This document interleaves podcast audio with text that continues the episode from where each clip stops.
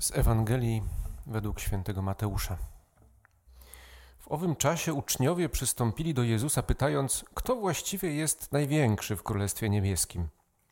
On przywołał dziecko, postawił je przed nimi i rzekł: Zaprawdę powiadam wam, jeśli się nie odmienicie i nie staniecie jak dzieci, nie wejdziecie do Królestwa Niebieskiego. Kto więc uniży się jak to dziecko, ten jest największy w Królestwie Niebieskim.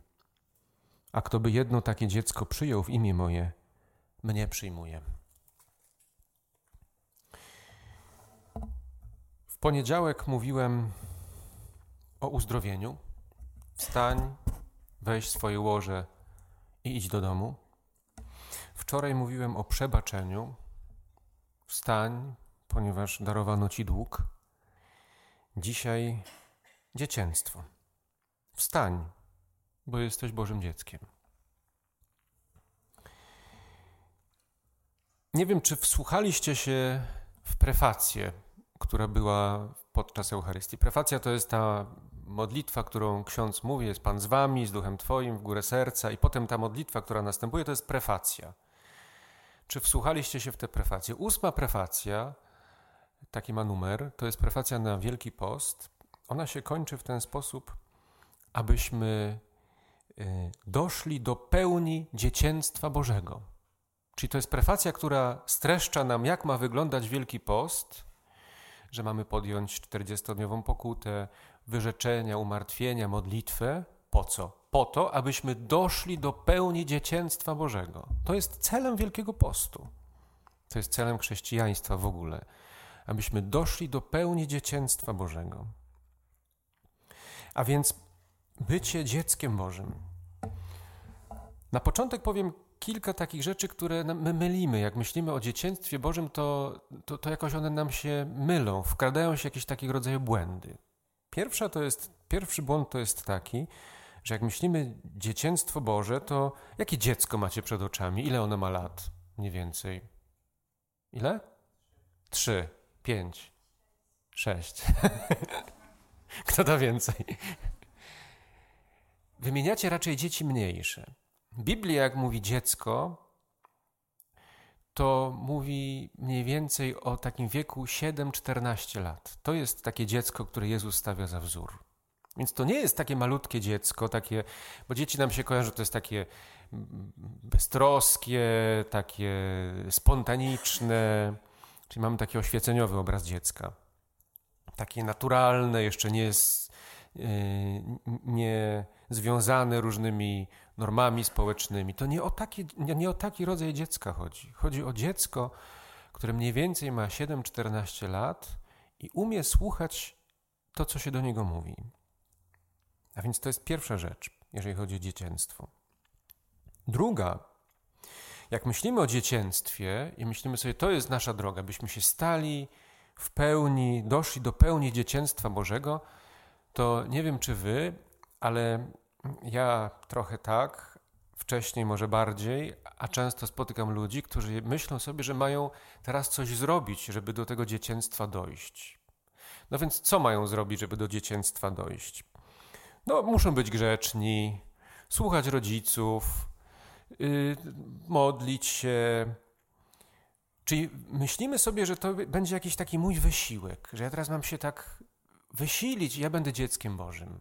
Muszę się uczesać, ołówki ładnie ułożyć w piórniku, y, dobrze uczyć, nie ściągać na egzaminach, broń Boże, mieć dobre oceny w szkole i będę takim dobrym dzieckiem Bożym. Czyli mylimy dziecko Boże z prymusem i z naszym wysiłkiem, który mamy włożyć w to, żeby stać się w końcu tym dzieckiem Bożym. To nie jest dzieciństwo Boże. To jest nasz ludzki wysiłek, nasze ludzkie kategorie, bo myślimy sobie, no, żeby być takim dzieckiem, no to trzeba właśnie. Tak mamy wdrukowane, no tego nas, tego się uczymy. To nie o to chodzi. Bycie dzieckiem Bożym to nie jest wysiłek. I to jest najistotniejsze, że bycie dzieckiem Bożym to jest dar Ducha Świętego. Czyli to, co my możemy zrobić, to jedynie się otworzyć i przyjąć Boże dziecięctwo. Jest tutaj ktoś nieochrzczony? Kto jest ochrzczony? Wszyscy są ochrzczeni. To mam dla Was dobrą nowinę. Wszyscy, jak tutaj jesteśmy, jesteśmy dziećmi Bożymi. To już nam zostało dane. To już jest coś, co masz. Nie musisz w tym momencie robić jakiegoś wielkiego wysiłku, żeby Boże dziecięctwo na siebie sprowadzić, bo Ty już to do, dostałeś. Oczywiście często z tego nie korzystamy, w ogóle tego nie widzimy, yy, ale my to już mamy. Ósmy rozdział yy, listu do Rzymian mówi: Duch Święty modli się w nas. Duch Święty mówi w nas: Abba, Ojcze. Bo my sami z siebie nie umiemy być dziećmi Bożymi, ale nawet jeżeli my tego nie potrafimy, to nieustannie Duch Święty w moim sercu powtarza Abba Ojcze, czyniąc mnie umiłowanym dzieckiem Boga. I to jest istota Bożego dziecięstwa, że to jest dar, niezasłużony. Nikt z nas, jak tutaj jesteśmy, nie zasługuje na to, żeby być dzieckiem Bożym. Dostaliśmy to za darmo zupełnie. I pierwsze, co trzeba zrobić, to trzeba po prostu to przyjąć. Panie Boże, żyję już 20, 25, 30, 40, 45 lat na tym świecie i ja jeszcze się nigdy nie ucieszyłem tym, że jestem dzieckiem Bożym. Nigdy Ci nie podziękowałem za to, że jestem dzieckiem Bożym. Więc teraz robię to po raz pierwszy. Dziękuję Ci i chcę się cieszyć z tego, że jestem Twoim dzieckiem. Gdybym was zapytał, co najbardziej świadczy o dzieciństwie, z czym wam się najbardziej dzieciństwo kojarzy, to z, z jakim przymiotnikiem? Co byście wymienili na pierwszym miejscu? Zabawki. to rzeczownik. że dziecko Boże jest jakie? Radosne. No to jest takie oświeceniowe rzeczywiście podejście, że dziecko to jest takie radosne, ciekawe. To wszystko prawda. Ale pierwsza rzecz, która mnie się skojarzyła, nie wiem, czy to rzeczywiście jest pierwsza, ale wydaje się, że Biblia rzeczywiście idzie w tym kierunku. Nie otrzymaliście ducha niewoli, aby się znowu pogrążyć w bojaźni, ale otrzymaliście ducha przybrania za synów. Czyli dziecko Boże jest jakie? Wolne. Mówimy, prawda? Czasami tak mówimy wolność i godność dzieci bożych. Prawda? Znacie to powiedzenie. To ciekawe, że nie kojarzy wam się wolność z dzieckiem Bożym. Oczywiście radość też, spontaniczność, zabawki, no oczywiście dziecko musi mieć zabawki, ale to wolność jest, tak wydawałoby się, czymś, co najbardziej określa Boże dziecko.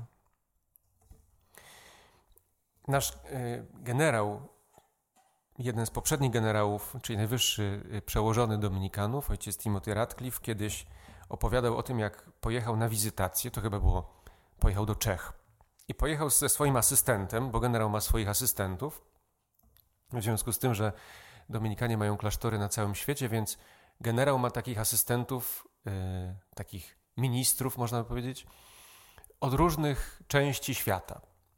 I jest też taki asystent, który jest asystentem do spraw Europy Środkowo-Wschodniej. I on z tym swoim asystentem pojechał właśnie do Czech na wizytację. Tym asystentem w ówczesnym czasie był ojciec yy, Wojciech Giertych, który później został teologiem domu papieskiego, jest do dzisiaj. Yy, jest teologiem moralnym w ogóle z wykształcenia. I generał miał spotkanie właśnie z tym, yy, ze swoim asystentem, miał spotkanie z rodziną dominikańską, i jakaś kobieta mówi do niego: Ojcze, jak my dzisiaj mamy w ogóle uczyć nasze dzieci, bo ja mam kilkoro dzieci i mam taki problem, jak ja mam im przekazywać naukę moralną? Bo one są takie jak dzisiejsza Europa, w ogóle nie chcą słuchać o nauce moralnej. I generał tak trochę się poskrobał po głowie, nie wiedział za bardzo co odpowiedzieć, ale myślę, że mam tego Giertycha, to niech on wam powie i mówi: Ty powiedz. I ojciec Giertych podszedł do tablicy, stała tam tablica i narysował taki mały kwadrat w rogu tablicy. I mówi: To są przykazania. Jak myślicie?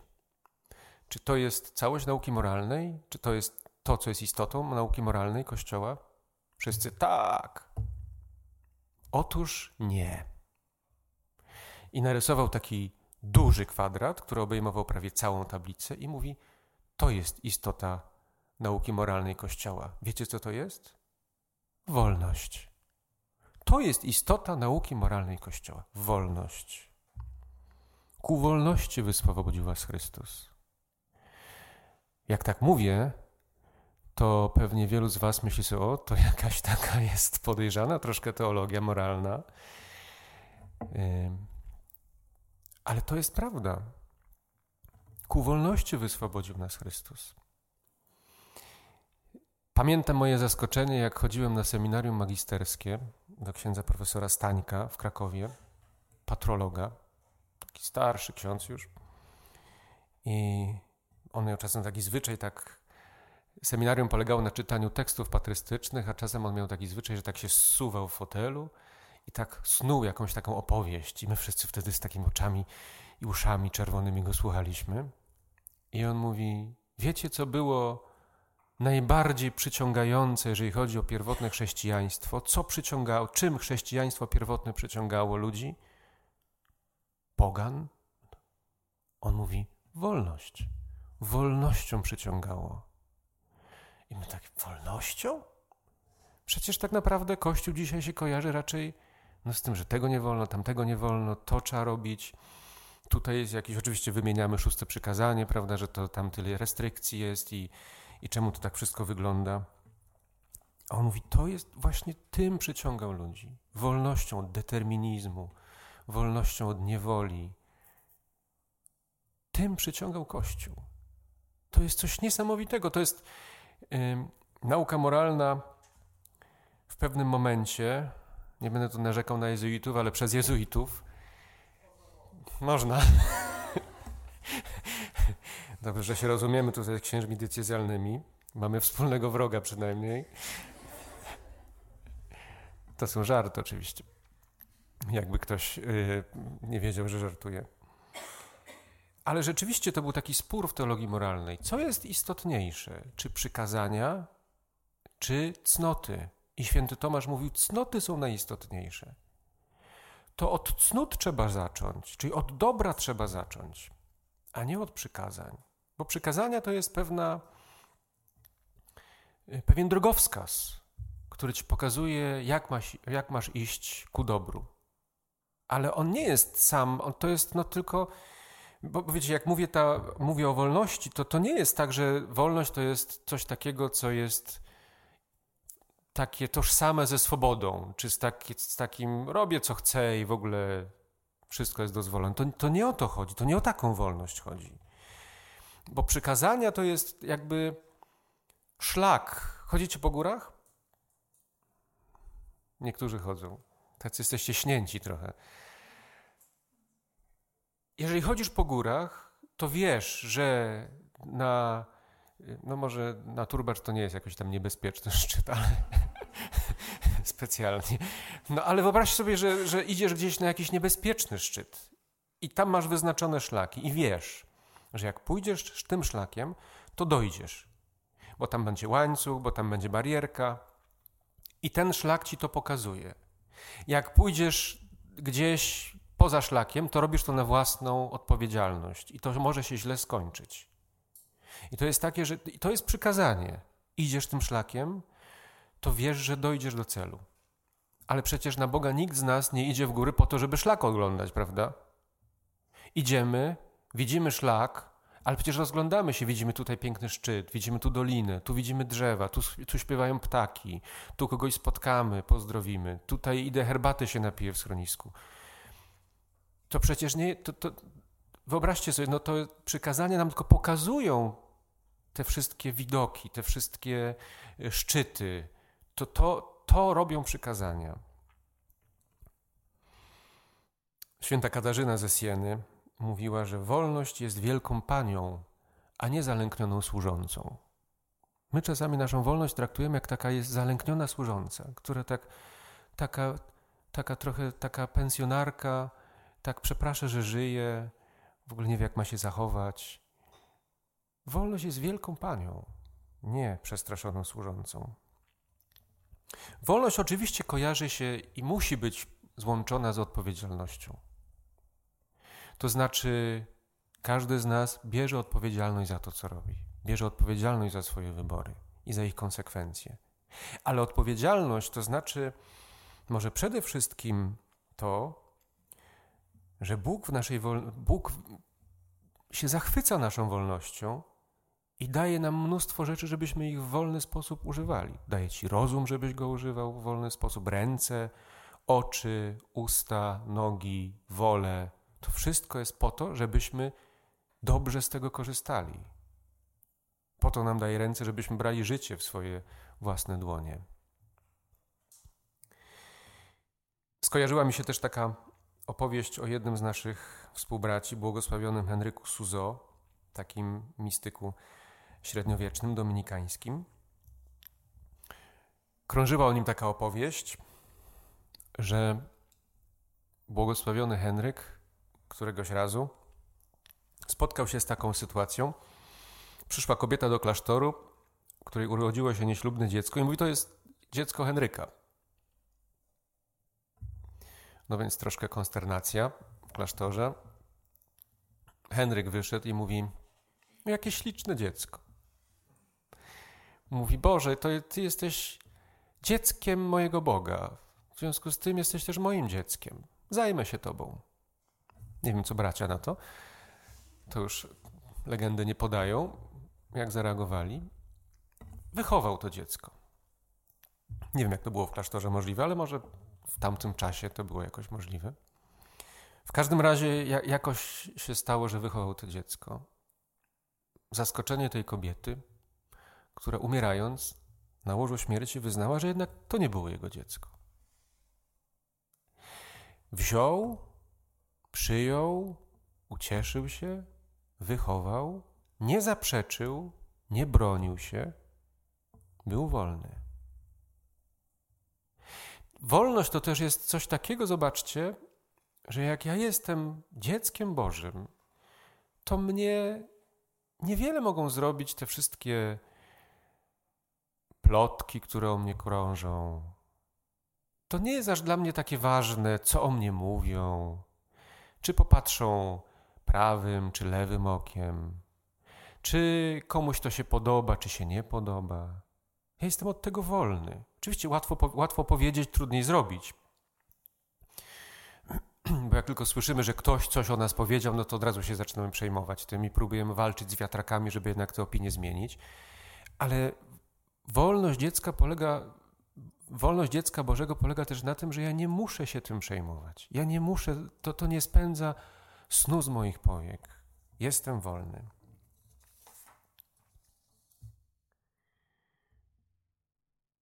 Druga rzecz. Pamiętacie z tej Ewangelii, którą czytaliśmy w poniedziałek? Wstań, weź swoje łoże i chodź. Wstań, weź swoje łoże i idź do domu. Wstań kojarzy się ze zmartwychwstaniem, do czego się przygotowujemy. Co to jest zmartwychwstanie? To jest uczestnictwo w pełni życia, które Bóg chce nam dać. I to jest druga cecha dziecka Bożego, że dziecko Boże cieszy się życiem. Bierze życie takim, jakie ono jest. Mówiłem o pojednaniu, przebaczeniu sobie samemu. Że ja zgadzam się na życie takie, jakie jest. Nie czekam, że życie zacznie się później. Można tej iluzji, nie wiem, jak, już zapomniałem, jak to jest w życiu świeckim, bo żyje już dłużej w zakonie niż w, niż w klasztorze, niż, niż przed klasztorem. Ale to może wy podpowiecie, albo na swój własny użytek to wymyślicie. Ale jak się żyje w klasztorze, to można tak myśleć sobie tak. Wstępujesz do zakonu i myślisz sobie, o, życie to się zacznie, jak będą obłuczyny, ja dostanę habit. To co prawda nie trwa tak długo, no bo to rok trzeba czekać, tylko dostajesz ten habit, cieszysz się nim jakiś czas, Potem sobie myślisz, no dobrze, to już habit dostałem. Prawdziwe życie się zacznie, jak ja złożę pierwsze śluby. To po roku. Składasz pierwsze śluby, jest ten moment, troszkę już tak opadnie to napięcie i entuzjazm, myślisz sobie, o, życie to się tak naprawdę zaczyna, jak jest złożenie śluby wieczyste. To tak już będzie. No więc to troszkę dłużej trzeba czekać, kilka lat. Składasz te śluby wieczyste i myślisz sobie, może życie to się zacznie dopiero jak ja święcenia przyjmę. Przychodzą święcenia i już nie masz na co czekać. To jest taka iluzja, że życie się zacznie za chwilę. Jak skończę studia, to się życie zacznie i zacznę pracować, tak zarabiać na siebie. Albo jak poznam chłopaka, to będzie życie się zacznie. Chłopaka to jeszcze nie, jak się zaręczy ze mną, to dopiero wtedy może. Albo jak dziewczynę poznam. Albo jak mi się urodzi, urodzi pierwsze dziecko, to wtedy może. Albo jak będę na swoim w końcu. I ty ciągle czekasz, że coś będzie. To ważne, żeby mieć swój cel. Ale to jest pewna iluzja, że życie będzie kiedyś. Dziecko Boże ży, żyje i cieszy się życiem, które jest teraz, w tym momencie. I to wcale nie trzeba wielkich rzeczy. Małe rzeczy wystarczą. Dzisiaj bardzo mnie ucieszyła wiadomość od jednej siostry. Nie, nie znam tej siostry za bardzo, ale w ogóle jej nie znam. Mówiąc szczerze, ale napisała do mnie na Messengerze, że widzi, y, y, widziała, że głoszę rekolekcje akademickie w Opolu, w duszpasterstwie i mówi, bardzo się cieszę, modlę się za ojca, bo ja w tym duszpasterstwie przeżywam przepiękne chwile mojego życia. Tam się rodziło moje powołanie, tam spędziłam y, piękny czas mojego życia. Ja mówię, to niech siostra się też pomodli za nas tutaj wszystkich. I powiedziała, obiecała, że się będzie modlić za nas. Mała rzecz, prawda? Maleńka. To jest. I takich maleńkich rzeczy my codziennie mamy tysiące. Tylko, że jak czekamy na te większe, które mają przyjść dopiero, no to oczywiście tego nie zauważamy, że te małe się zdarzają. A życie yy, składa się z małych rzeczy, nie z wielkich. Pamiętacie tę sytuację z Naamanem, prawda? Którym gdyby tutaj, ja myślałem, że ten prorok stanie, yy, rozstąpi się niebo i nastąpi spektakularne nawrócenie. Ja siedem razy mam się zanurzyć w Jordanie. Cóż to jest? Małe, proste, codzienne rzeczy, które sprawiają nam radość i sprawiają też, że żyjemy. I następna rzecz to jest godność. Muszę patrzeć, żebym nie przeciągnął za bardzo. Godność. Wolność i godność dzieci Bożych. Skąd ona wynika? No ona wynika nie z tego, że my jesteśmy tacy godni miłości, tylko dlatego wynika stąd, że Bóg nas ukochał. Za darmo. Nikt z nas na to nie, my na to nie musimy zasługiwać. Bóg nas kocha za darmo. To jest istota godności. Chociażbyś tak się zeszmacił, że trudno sobie wyobrazić, to nigdy nie będziesz w stanie tej godności zamazać. Nikt nie będzie w stanie jej zamazać.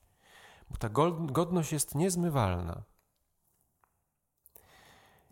I to jest niezbity dowód, jeżeli istniejemy i żyjemy, to jest niezbity dowód, że jesteśmy godni życia i że Bóg nas kocha. I też nas zaprasza do tego, żebyśmy my siebie kochali. Bo jesteśmy wartościowi, cenni w oczach Boga i stąd wynika nasza wartość, stąd wynika nasza cena.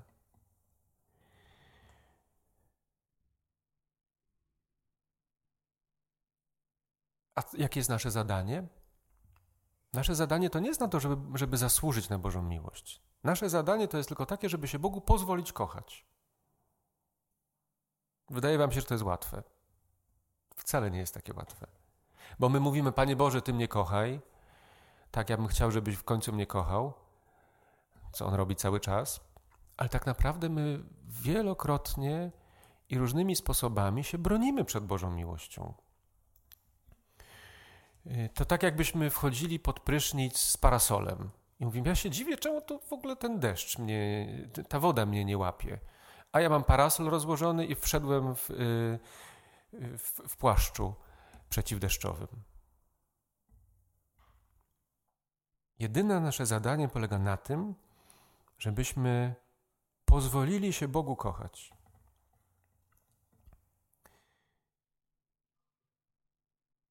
I ostatnia rzecz to jest dziecko Boże pro, pozwala się też prowadzić.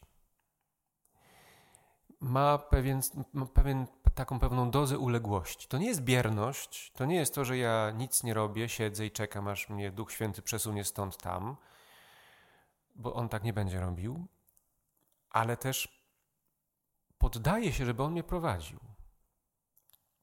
I jeżeli mu się powierzę, to on mnie będzie prowadził. On będzie mnie dotykał. Będzie mi pokazywał różne rzeczy. Zawsze to robi łagodnie. Bóg, Duch Święty nie, nie wdziera się, chociaż czasami rzeczywiście tak robi, ale to nie jest tak, żeby nas gdzieś skrzywdzić. Zawsze to robi w jakiś taki sposób, który, który jest łagodny. Czasami jest tym doza jakiegoś takiego bólu, no bo jeżeli ja postawię różne zasieki, no to Duch Święty musi jakoś tak jeżeli ja robię wszystko, żeby Duch Święty się nie dostał, chociaż mówię mu przyjść, no to on będzie przychodził. Czasami przypominamy taki, taki rodzaj konserwy. Jesteś, jestem konserwą, no i Duch Święty, żeby się dostać do środka, no to musi użyć też tej, takiej, tego otwieracza. No to nie jest takie proste, żeby to się bez bólu obyło, więc czasami on tak będzie robił. Ale, ale też robi to zazwyczaj w taki sposób, który, który jest Trudno nam to sobie wyobrazić, ale to jest taki sposób i łagodny, i czasami bolesny jednocześnie. Są takie sytuacje. Jak tak czujesz, że coś, że coś pęka i ty widzisz, że, e, że cię to boli, ale jednocześnie się cieszy, że to w końcu pękło. To, to tak Duch Święty prowadzi. I dziecko Boże się na to zgadza. To tyle chyba, jeżeli chodzi o Boże dzieciństwo, chciałem Wam powiedzieć. Dzisiaj jeszcze znalazłem taki piękny cytat mi się skojarzył też z Bożym dzieciństwem, bo zobaczcie, dziecko też nie ma przeszłości. No ma tam te kilka lat, no ale cóż to jest za przeszłość? Nie można się nią pochwalić, no co on osiągnął. No to przedszkole skończył, prawda? No to, to nie jest wielkie, wielkie osiągnięcie. Więc dziecko nie ma się czym pochwalić, nie ma przeszłości, i ciągle zaczyna od nowa. Czy ma taką zdolność, że ciągle zaczyna od nowa, prawda? Dzieci wystarczy, te, te, małe dzieci, te starsze też jeszcze mają taką zdolność, że płacze, ale pokażesz tutaj coś, pokażesz jakaś ten, już zapomina o tym, co płakało i idzie dalej. A więc to jest też taka zdolność ciągłego zaczynania od nowa. I przeczytam wam fragment świętego Franciszka Salezego właśnie o tym. Miejcie cierpliwość do wszystkich ludzi – ale przede wszystkim do siebie samych. Nie pozwólcie, by zasmucały was własne niedoskonałości. Musicie mieć odwagę wznosić się ponad nie ciągle od nowa. Cieszę się, że każdego dnia zaczynacie od nowa. Nie ma lepszego sposobu, by rozwinąć w pełni swoje duchowe życie, jak ciągle zaczynać od nowa i nigdy nie nabrać przekonania, że zrobiło się już wystarczająco dużo. Amen.